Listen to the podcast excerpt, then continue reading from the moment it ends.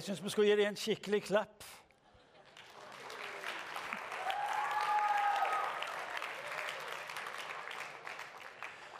Fantastisk. Har vi det bra? Grunnen til at jeg står her nå igjen, fordi at jeg er blitt inspirert av min halvradikale fortid. Der var det viktig å være på gulvet, eller på gulvet, sa de. Og Derfor så prøver jeg å være nede på gulvet. Nei, dere tok ikke det, nei. Nei vel. Jeg prøvde i hvert fall så godt jeg kunne. Ikke sant vel, Håkon? Ja. Og det er viktig å anerkjenne når folk prøver så godt de kan. Det er bra. Det er litt av en jobb å preike i dag. Jeg burde jo stått ute på parkeringsplassen hvis jeg skulle kunne sett på dere med samla øyne.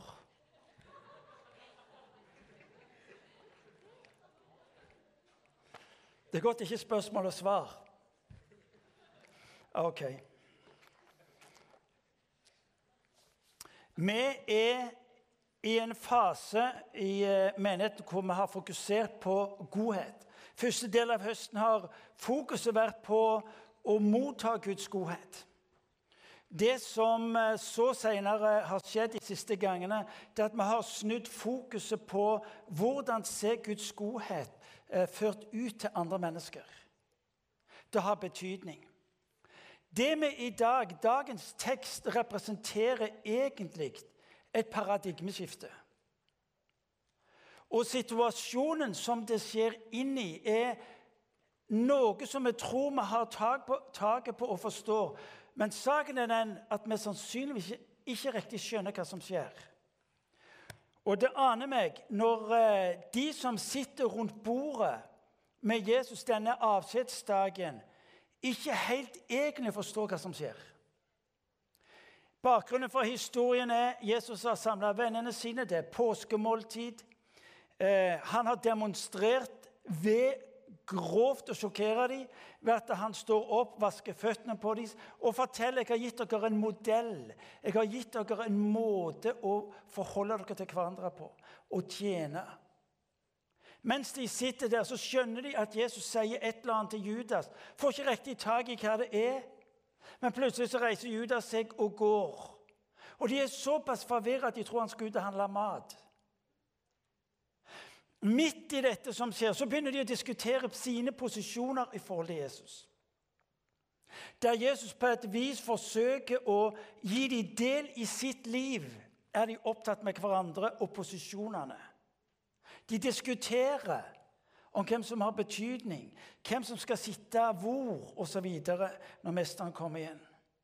Plutselig så skjer han igjennom, og så sier han et nytt bud gir jeg dere. Det er sånn. Et nytt bud gir jeg dere. Dere skal elske hverandre. Den har de tak på, for den har de hørt før. Men nå legger han noe til. Som jeg har elsket dere, skal dere elske hverandre.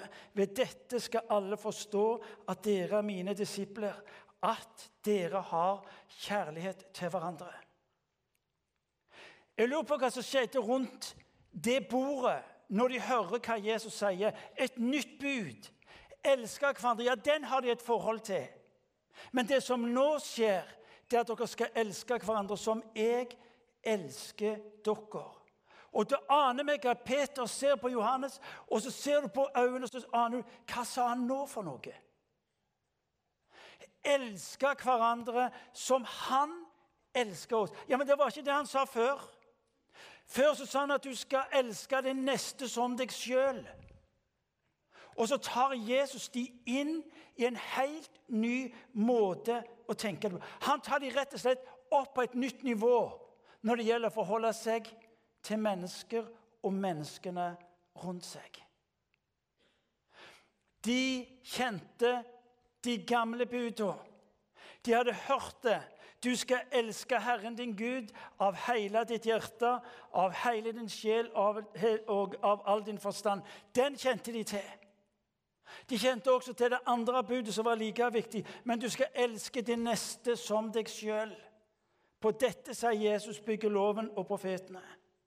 Nå snakker han om noe helt annet. Han snakker om et helt nytt nivå. Han snakker ikke lenger om hva du presterer eller kan få til, men han snakker om du skal elske som jeg elsker. Det er som han sier, Hør nå, sier han. Før har dere møtt mennesker og elska mennesker med det dere har.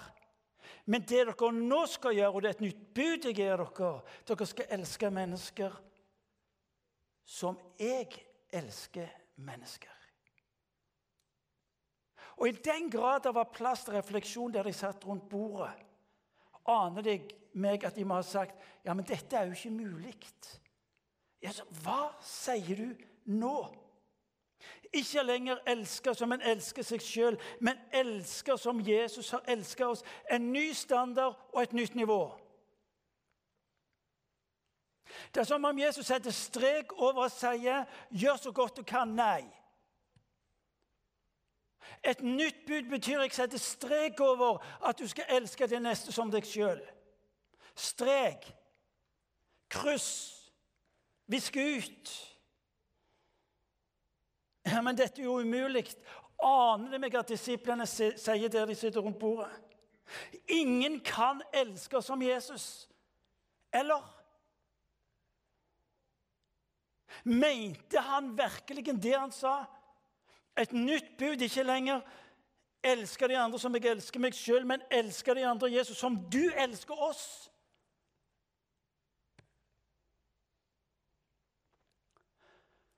Og det interessante er han har også endra fokus fra å snakke om verden der ute til å snakke om de. Han snakker nå om forholdet de imellom.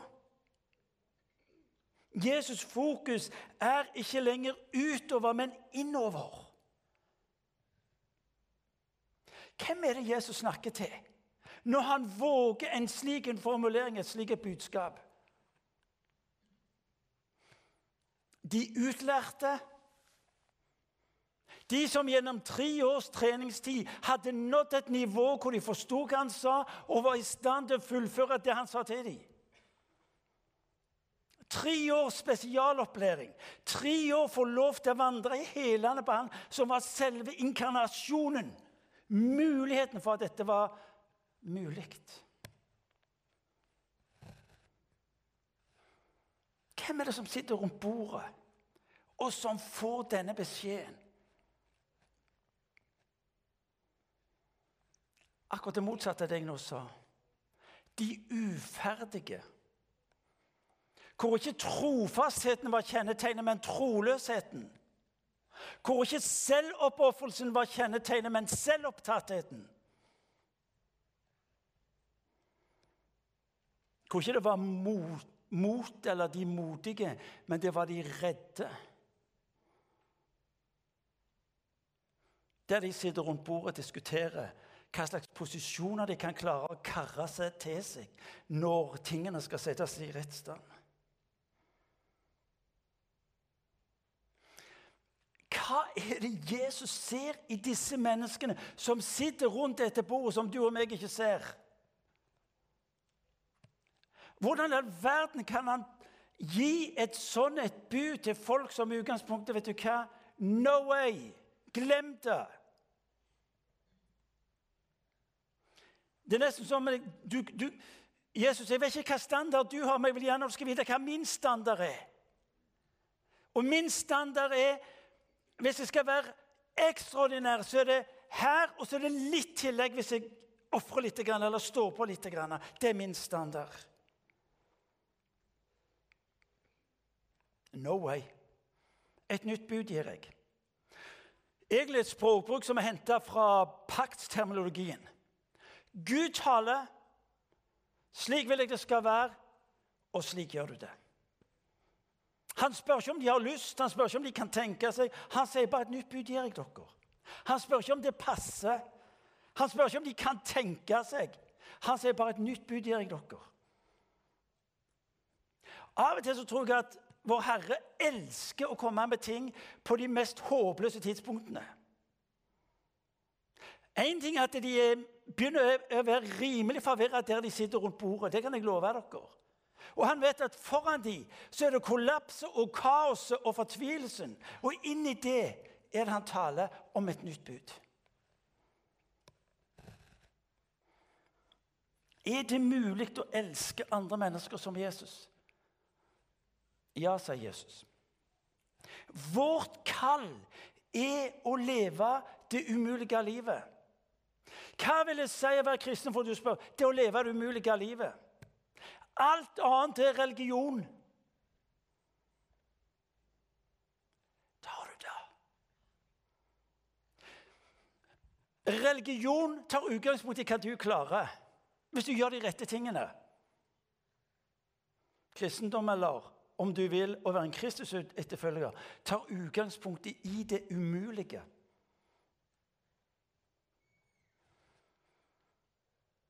Det er umulig å være en kristen med utgangspunkt i seg sjøl. Det var ennå godt å høre. Det var i hvert fall et utgangspunkt.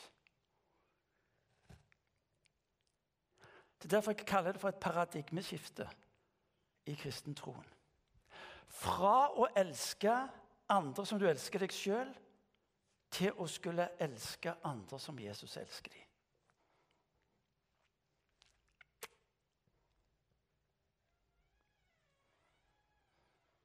Ja.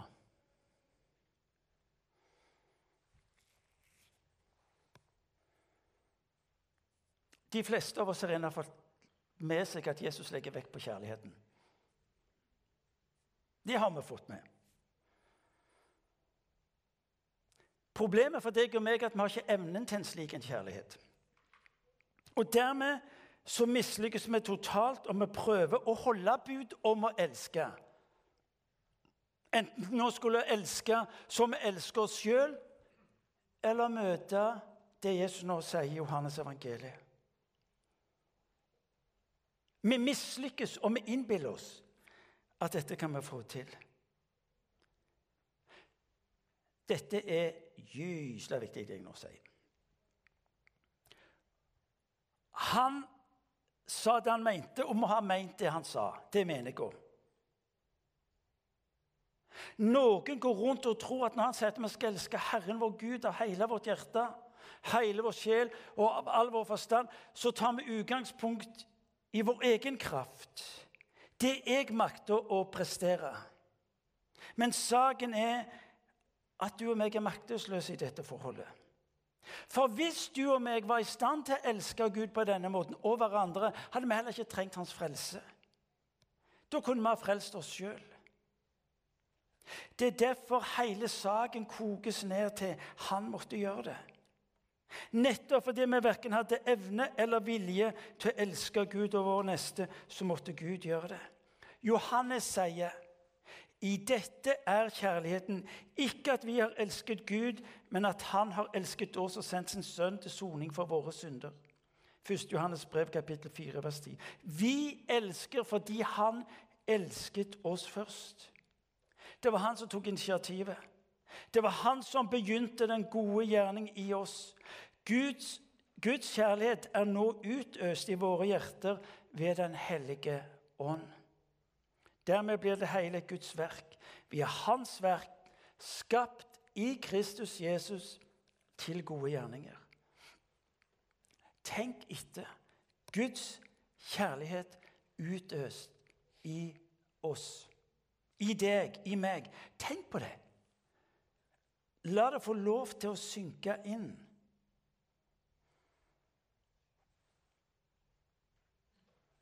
Den kjærligheten som ga sitt liv for verden,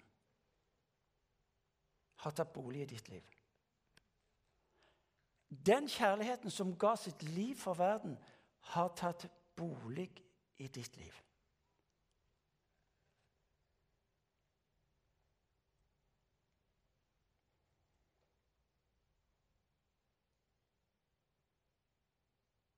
Den kjærligheten som utholder alt, tror alt, håper alt, tåler alt, er utøst i ditt liv.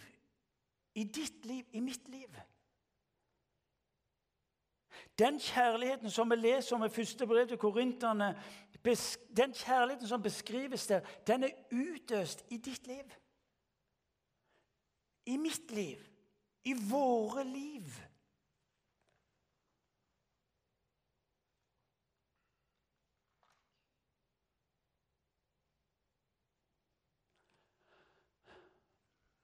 Bibelen bruker begrepet om å bli født på ny. Hva vil det si å bli en kristen? Å bli en kristen er å bli født på ny. Og når du og meg blir født på ny, blir kristne, tar denne guddommelige natur bolig i ditt og mitt liv. Det er det han sier.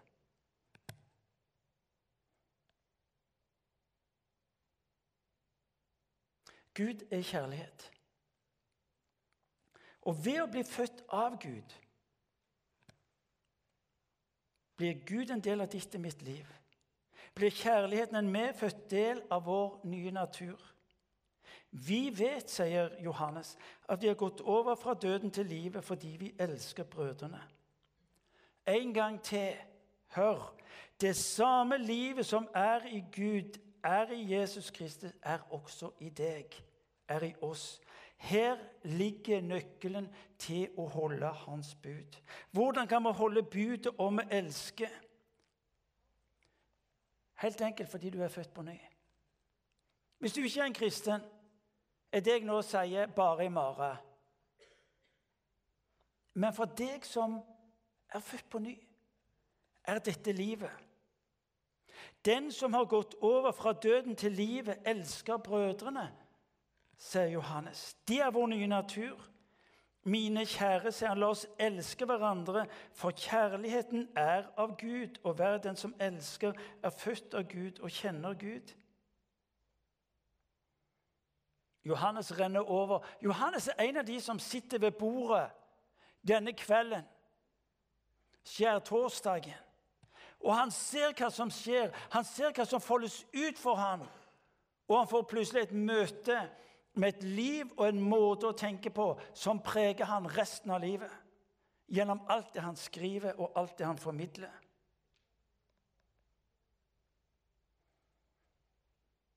Gud, han sier, og vi som har kjent og trodd den kjærlighet som Gud har til oss Gud er kjærlighet. Den som blir i kjærligheten, blir i Gud, og Gud i ham.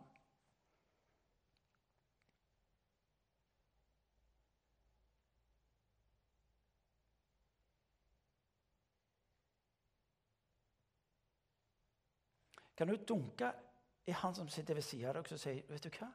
Gud har tatt bolig i mitt liv.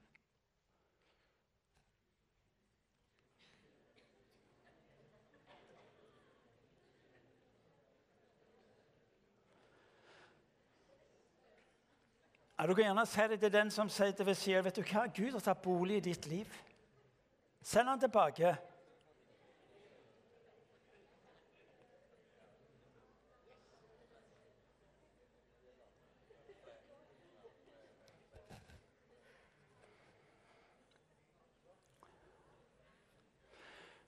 Nå skal du høre. Nøkkelen i det Jesus sier, er det jeg nå snakker om. Og får du tak i den, er også gåta løst. Gud er kjærlighet. Og når vi blir i Gud, blir Gud i oss. Kristus i dere, sier Paulus i eh, Kolosserbrevet kapittel 1, vers 27. Det er nøkkelen. Og det som evangeliet tar oss inn i, det er å se og handle på bakgrunn av noe annet enn det du og vi klarer å produsere ved å bestemme oss, ved å ta oss sammen. Ved å fungere på en akseptabel måte, enten det er i det sekulære eller det er i det religiøse liv. Kristus det er vår rettferdighet. Vi i Kristus, det er vår rettferdighet, det gamle begrepet. Kristus i oss er helliggjørelse. Det er de to begrepene som sammenholder kristenlivet. La Gud få lov til å være Gud i ditt og mitt liv. Det er det vi snakker om. Gud har ikke bedt deg om noe annet enn la meg få lov til å være Gud i ditt liv. Samtidig så sier teksten oss noe spennende. Ordet kjærlighet slik som du, eller elsker som du møter det her, eh, på gresk har ulike uttrykk.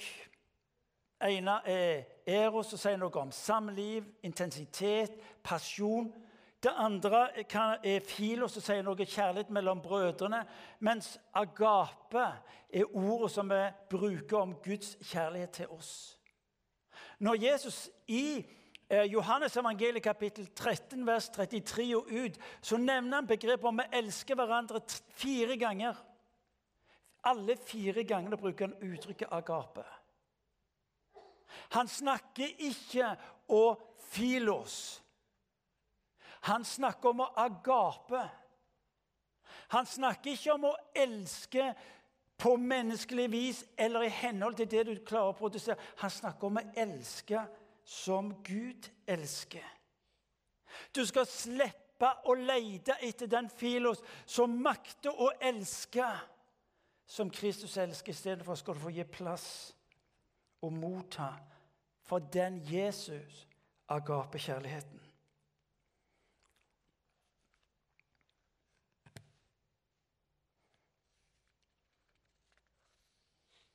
Han ber disiplene om å leve et umulig liv og gjøre ting de ikke har noen forutsetninger for å gjøre.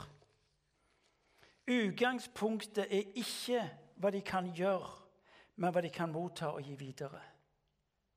Det Jesus er opptatt med å trekke disiplene inn i, det er ikke en ny mare på at nå skal du opp et nytt nivå, så skal du skjerpe deg, så skal du ta deg sammen. Og så må du fylle instruksen fra punkt 1 til 10, så blir det smell på sakene. Han tar ikke utgangspunkt i hva du skal gjøre, men det du skal få lov til å motta. Dette liv som bærer med seg den sterkeste kraften til forvandling, det livet mottar du. Det er et liv du får lov til å motta, for så å gi videre ut. Kapasitet til å tro Nei, kapasitet til å motta er kjennetegnet på en tro som vokser. Får du tak i det?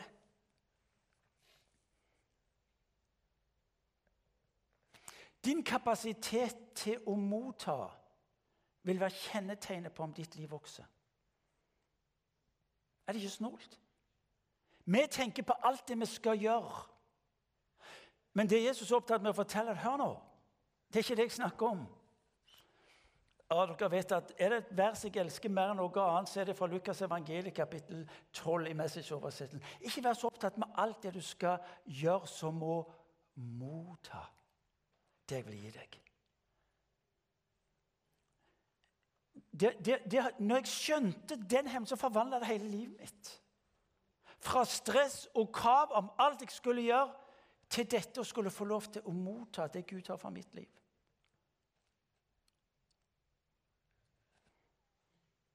Amen. Bare si amen. Det er tillatt. Kapasitet til å motta er kjennetegnet på en tro som vokser. Det er mye hvile i det der. Hører du det? En ting til. Ikke ha Jesus som forbilde eller eksempel når det gjelder å elske. Det blir ei mare. Sånn er han, Martin. Kom an. Og sånn skal du være. Hvem i all verden klarer det?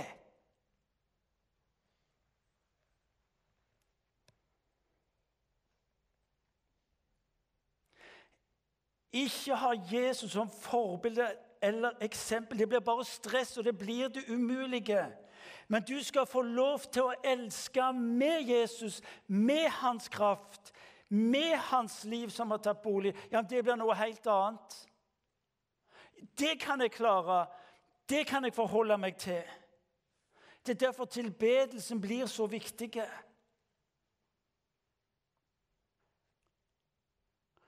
Hvor kanskje ordene mer blir problemet enn mulighetene fordi de blir så forstyrrende. Det er en vesensforskjell å skulle ha en modell som jeg skal legge til grunn for livet mitt, som å skulle få lov til å vite At det som var modellen min, var ikke modellen, men var, ble selve kraften og livet som levde gjennom meg. Det er noe helt annet. Og det er det du inviteres til. Hvordan er dette livet mulig? Jeg skal se, når jeg igjen stoppet opp fra teksten, så tenkte jeg kjære Gud, dette er revolusjon. Dette betyr gjennombrudd. Sto her borte under lovsangen, og så slo det meg. Det var som Gud talte sånn en dag nærmere gjennombruddet. En dag nærmere gjennombruddet. Gudstjenesten denne dagen, en dag nærmere gjennombruddet.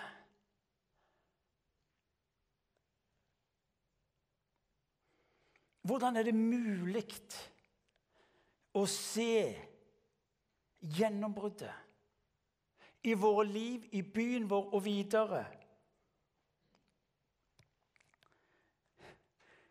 Det snåle er jo Jesus sier og når verden ser at dere som mine eksempler når, når verden som ser at Nei. Ved, jeg holder lenge at de ler, om ikke dere også skal le. Når de ler, så burde dere sagt fy. Hva er sånn for balanse i dette? her? Han sier, 'Ved dette skal alle forstå at dere er mine disipler, at dere har kjærlighet til hverandre. Verden skal forstå at dere har min kjærlighet når dere øser den over på de andre i huset. Vi skulle kanskje trodd at Jesus hadde sagt at når dere går ut med det, helbreder de syke, lovsynger som, som ingen andre, da skal verden forstå at dere er mine disipler. Nei. Det er nesten som man har lyst til å si det er noe som går foran det der. Og det er at dere elsker hverandre.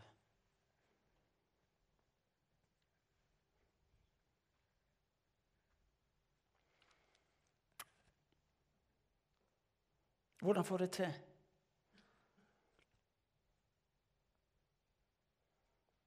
To enkle ting. Så et vitnesbyrd og så se rent praktisk. For det første så må du se på de andre med nye øyne. Se på de som sitter rundt deg. Våg å se på dem. Ikke se ned. Se på dem.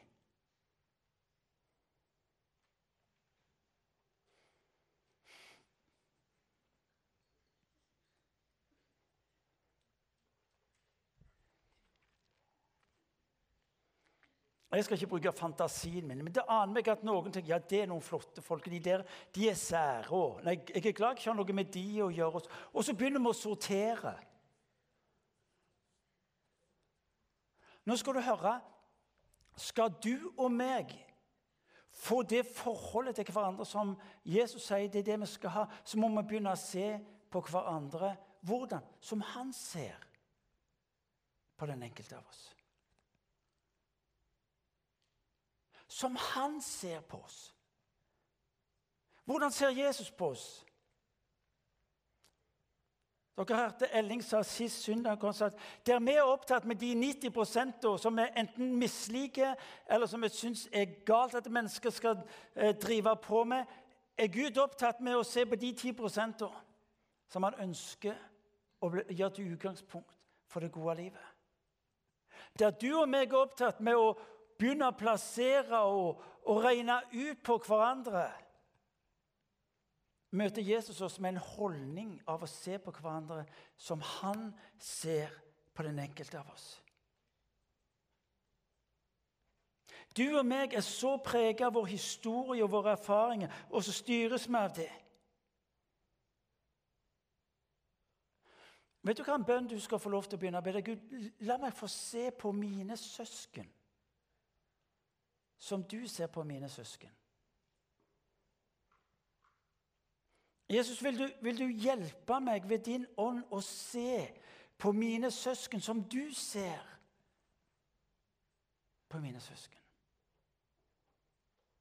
For sagnet du vil handle i henhold til hva du ser.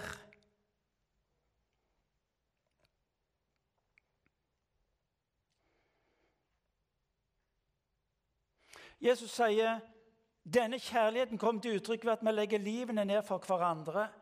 Et annet ord for det er 'ditt liv angår meg'. Uansett hva som er ditt liv.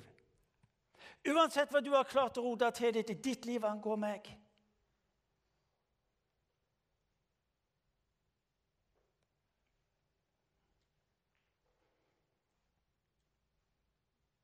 Jeg trenger ikke si det, men du kan starte med å tenke det. Den som sitter ved siden av deg, vet du hva? Livet til han eller hun som sitter ved siden, angår meg. De menneskene som sitter rundt meg i dette lokalet i kveld, deres liv angår meg. Hvorfor? Det er fordi Jesus har sagt det. Han har eksplisitt tatt oss inn i en måte å tenke på hvor han sier vet du hva? Livet til det mennesket, fordi det er din bror og din søster, angår deg. Hvis du melder deg Gud, så skal du være klar over at det ikke bare er de to du melder deg ut ifra, men det er meg du melder deg ut ifra. For jeg har tatt bolig i dem.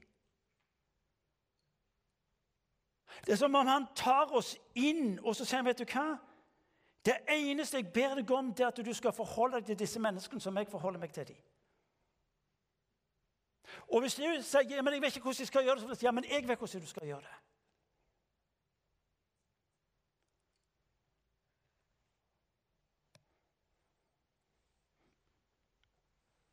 Gudstjenesten, cellegruppene, tjenestegrupper, misjonale fellesskap. Uten menigheten vil du ikke overleve som en kristen, sier Martin Luther. For ut fra dette kjærlighetens fellesskap vil du leve livet. Og ditt liv har betydning. Vet du hva det betyr? Det betyr å leve ut fra Guds nærvær. Fordi du er kalt til å være en del av en større historie, av en større familie. Det første du hører jeg sier, det å se dine søsken som nå sitter rundt deg, med nye øyne. Og vet du hva? Til det trenger du at Den hellige ånd hjelper deg. Hvis ikke, så ser du ingen forandring.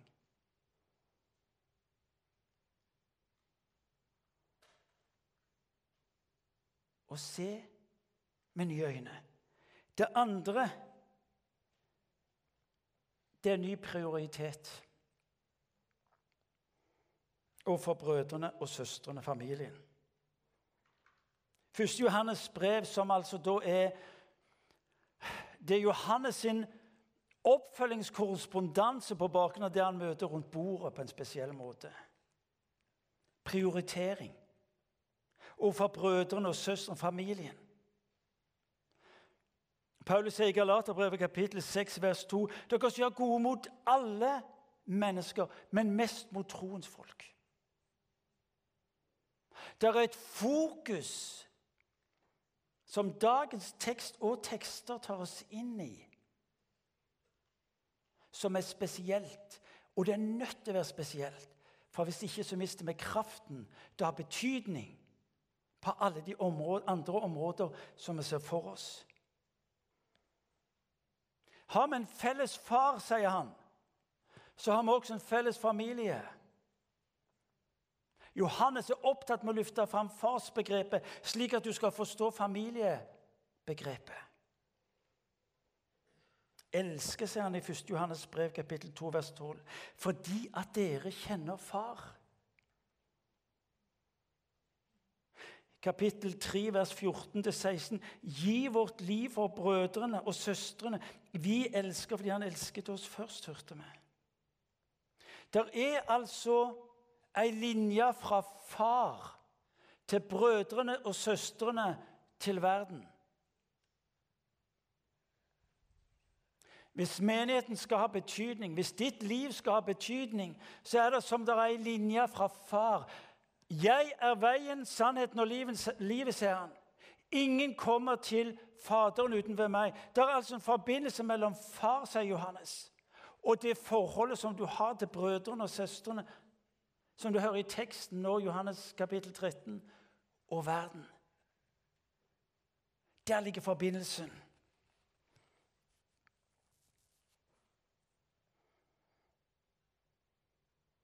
Dette er tro, sier Johannes, å elske Jesus Kristus og hverandre. Og denne kjærligheten den er aktiv, den er oppsøkende. Det er snakk om å overøse, slik han gjør overfor oss, som han demonstrerer overfor oss. Langt overfor oss. Kanskje sitter du og tenker ja, men hør nå, Martin. Dette er ikke det å gå for langt. Jo, det er å gå for langt. Men det er han som har valgt å gjøre det. Når han så på disiplene sine der de sto eller satt, hva var det han så? Det aner meg at hvis Egil Elling Ellingsen skulle ha plukket ut nye folk til staben, og han satt med CV-en til den gjengen Jeg er ikke sikker på om han hadde plukket de ut til å være med på laget.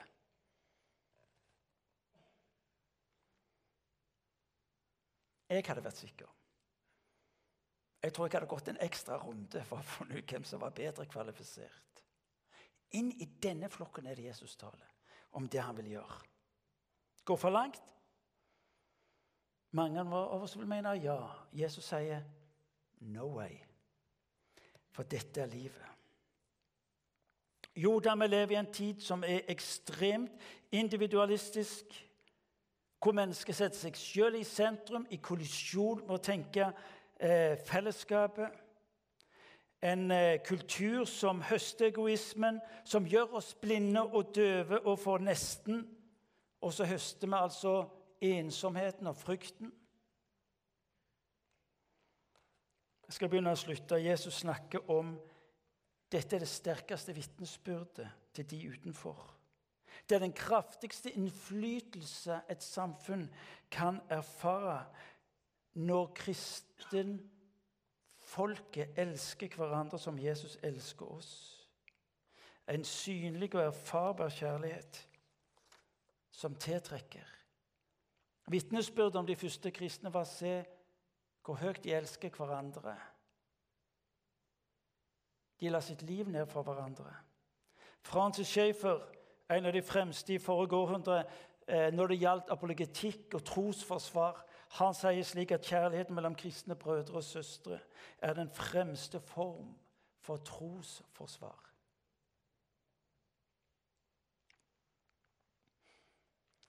Det er mange av dere som lever dette livet.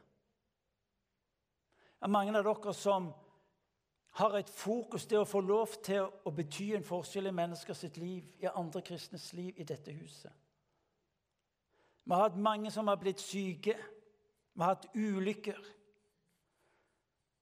Og i det øyeblikket budskapet om at de har kommet på sykehus, så melder folk seg frivillig, enten det er noe til å lage mat eller til å vaske hus eller legge penger på bordet fordi at økonomi, økonomien var vanskelig.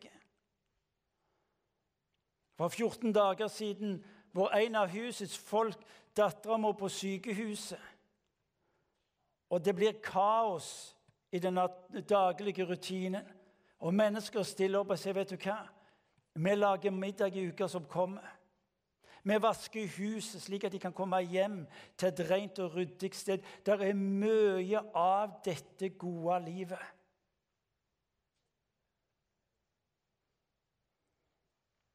Godhetsaksjonen vokser nettopp ut ifra en erfaring av kjærligheten oss imellom. Og så tar han oss nå på et nytt nivå. Vi er underveis. Jo det er nok noen som er misfornøyde med nivået i menigheten. Det er nok noen som syns at vi kunne ha gjort mer, eller vi kunne ha vært flinkere overfor hverandre. Eh, vi hører av og til litt sånn kritikk på at vi har ikke gjort nok. Men vi er i hvert fall underveis. Og der vil vi være. Og så får vi heller synes det er leit at vi ikke klarer å møte alle. Men dagens tekst tar oss inn i en prosess hvor vi skal få lov til å tenke et nytt nivå. Når du elsker nesten, så utvides ditt hjerte og du er i stand til å motta mer av Guds kjærlighet. Og du oppfyller det som er hensikten med livet ditt. Gud har ett ønske, det pøser av sitt liv inn når du gir videre. Ikke snakk om stress. Det er bare snakk om å ta imot seg. La Guds rike få en mulighet. Slipp det løs. Jeg sa det kokes ned til å se. Se som Jesus og handle som han. Jesus, hva ser du? Hvordan ser du Jesus? Hvordan handler du? Kan jeg få lov til å utfordre dere nå svært konkret?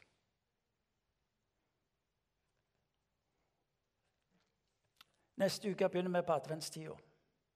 Adventskalender. Dager. Kan jeg få lov til å invitere deg til å bruke den på dine kristne søsken? I min kirke har en ca. 600-700 medlemmer av voksne, og så er det et par hundre barn, ungdom. Kan jeg få lov til å utfordre deg til å skulle Jesus, hvordan kan jeg få lov til å elske disse som du kaller for mine brødre og søstre?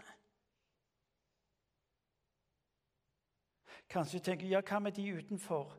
Ja, orker du mer, så la de få.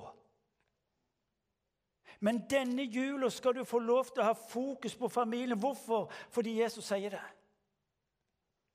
Fordi at kraften som ligger i dette, at du og meg elsker hverandre, som Jesus har sagt vi skal gjøre, løser ut en kraft som denne verden ennå har til gode å se.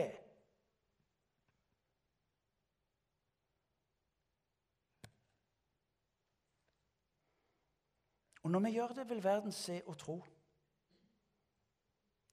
For saken er den, og det er det Jesus tar oss inn i Den fremste form for strategi på når denne verden med evangeliet, det er at når du og meg begynner å elske hverandre som han har kalt oss til å elske hverandre, så vil verden se noe de ikke har sett eller erfart før, og de vil tro.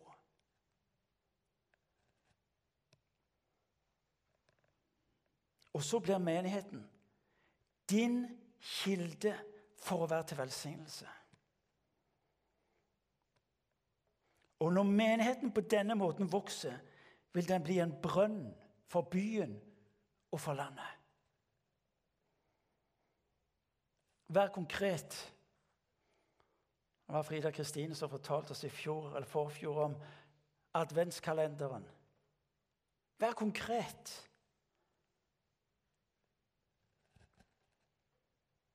Fyll opp eventuelt din vanlige kalender. Ord du vil si ut. Måltid du vil invitere til. Hjelp praktisk som du ønsker å bidra. Penger som du vil gi.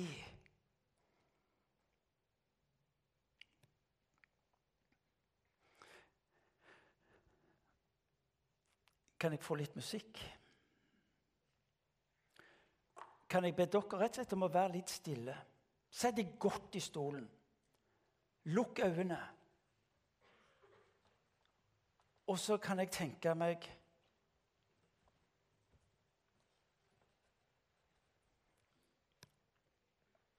At du rett og slett er stille. Og mens du sitter der og er stille, vil jeg få lov til å be en bønn som du kan legge dine ord i og ditt hjerte i.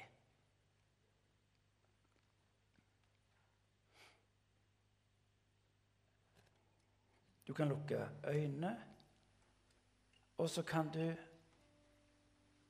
tenke at Jesus, du er her. Jeg er her. Du inviterer meg til å vektlegge sterkt betydningen av å elske min bror og min søster. Vil du tale om dette i mitt liv nå? Så spiller de. Du er stille innenfor Gud. Og så vil jeg be en bønn.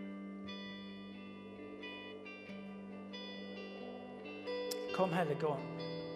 Kom til den enkelte av oss her hvor vi sitter.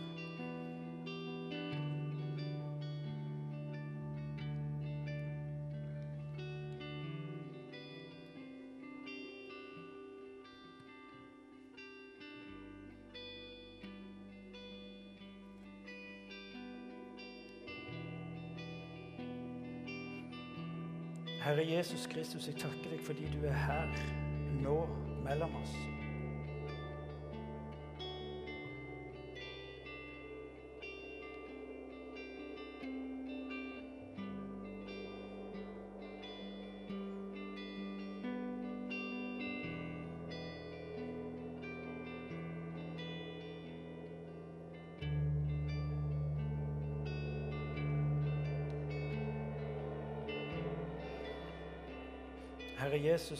Takk fordi du også har tatt bolig i våre liv, den enkelte av oss.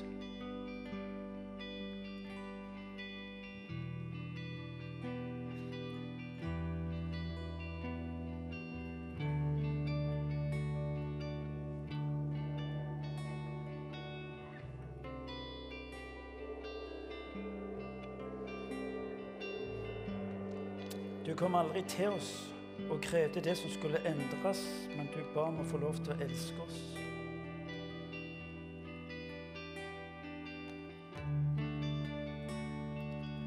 Herre, takk fordi du har tatt bolig i våre liv. Takk fordi at du, Hellige Ånd, bor i våre liv. At du, kjærlighetens Gud, bor i våre liv.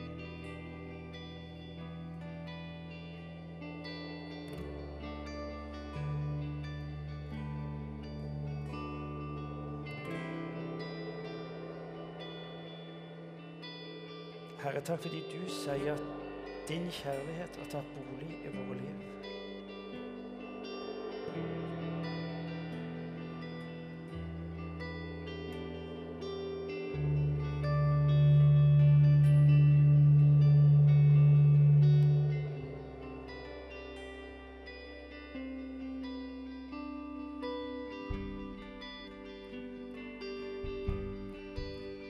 Jesus, du har minnet oss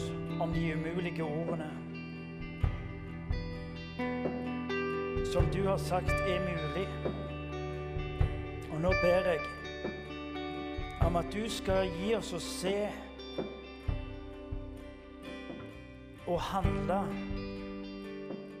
overfor hverandre, Herre, som du ser og handler overfor den enkelte av oss.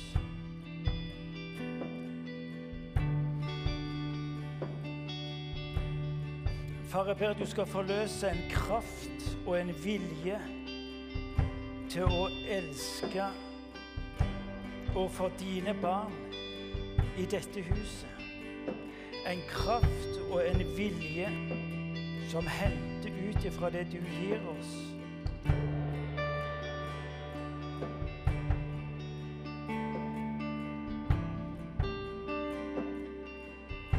Herre, jeg takker deg fordi du forløser av ditt liv i våre liv og for hverandre. Far, jeg ber om at du skal sette i gang en bevegelse i våre liv, den enkelte av oss. Hvor vi ikke behandler hverandre som vi ser med det naturlige, men handler overfor hverandre som vi ser som du ser.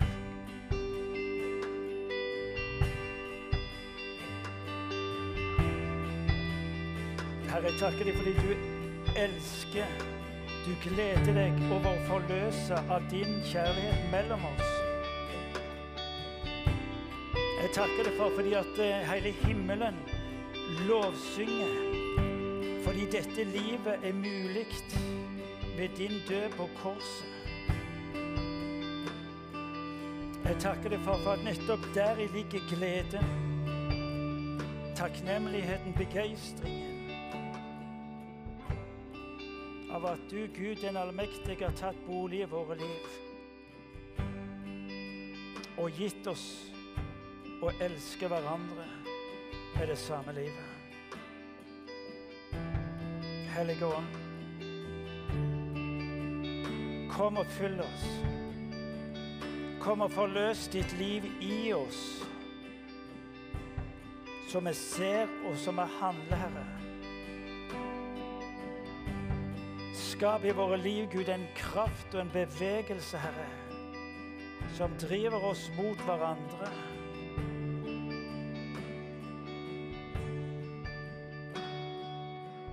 La dagene som ligger foran oss, være dager hvor vi bygger nye broer mot hverandre.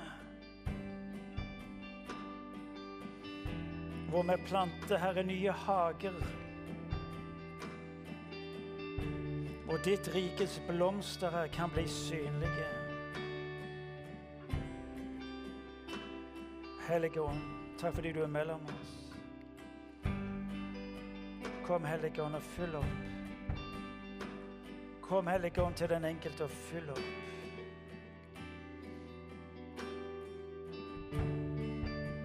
Og Far, vi ber, kom og fyll opp med din ånd.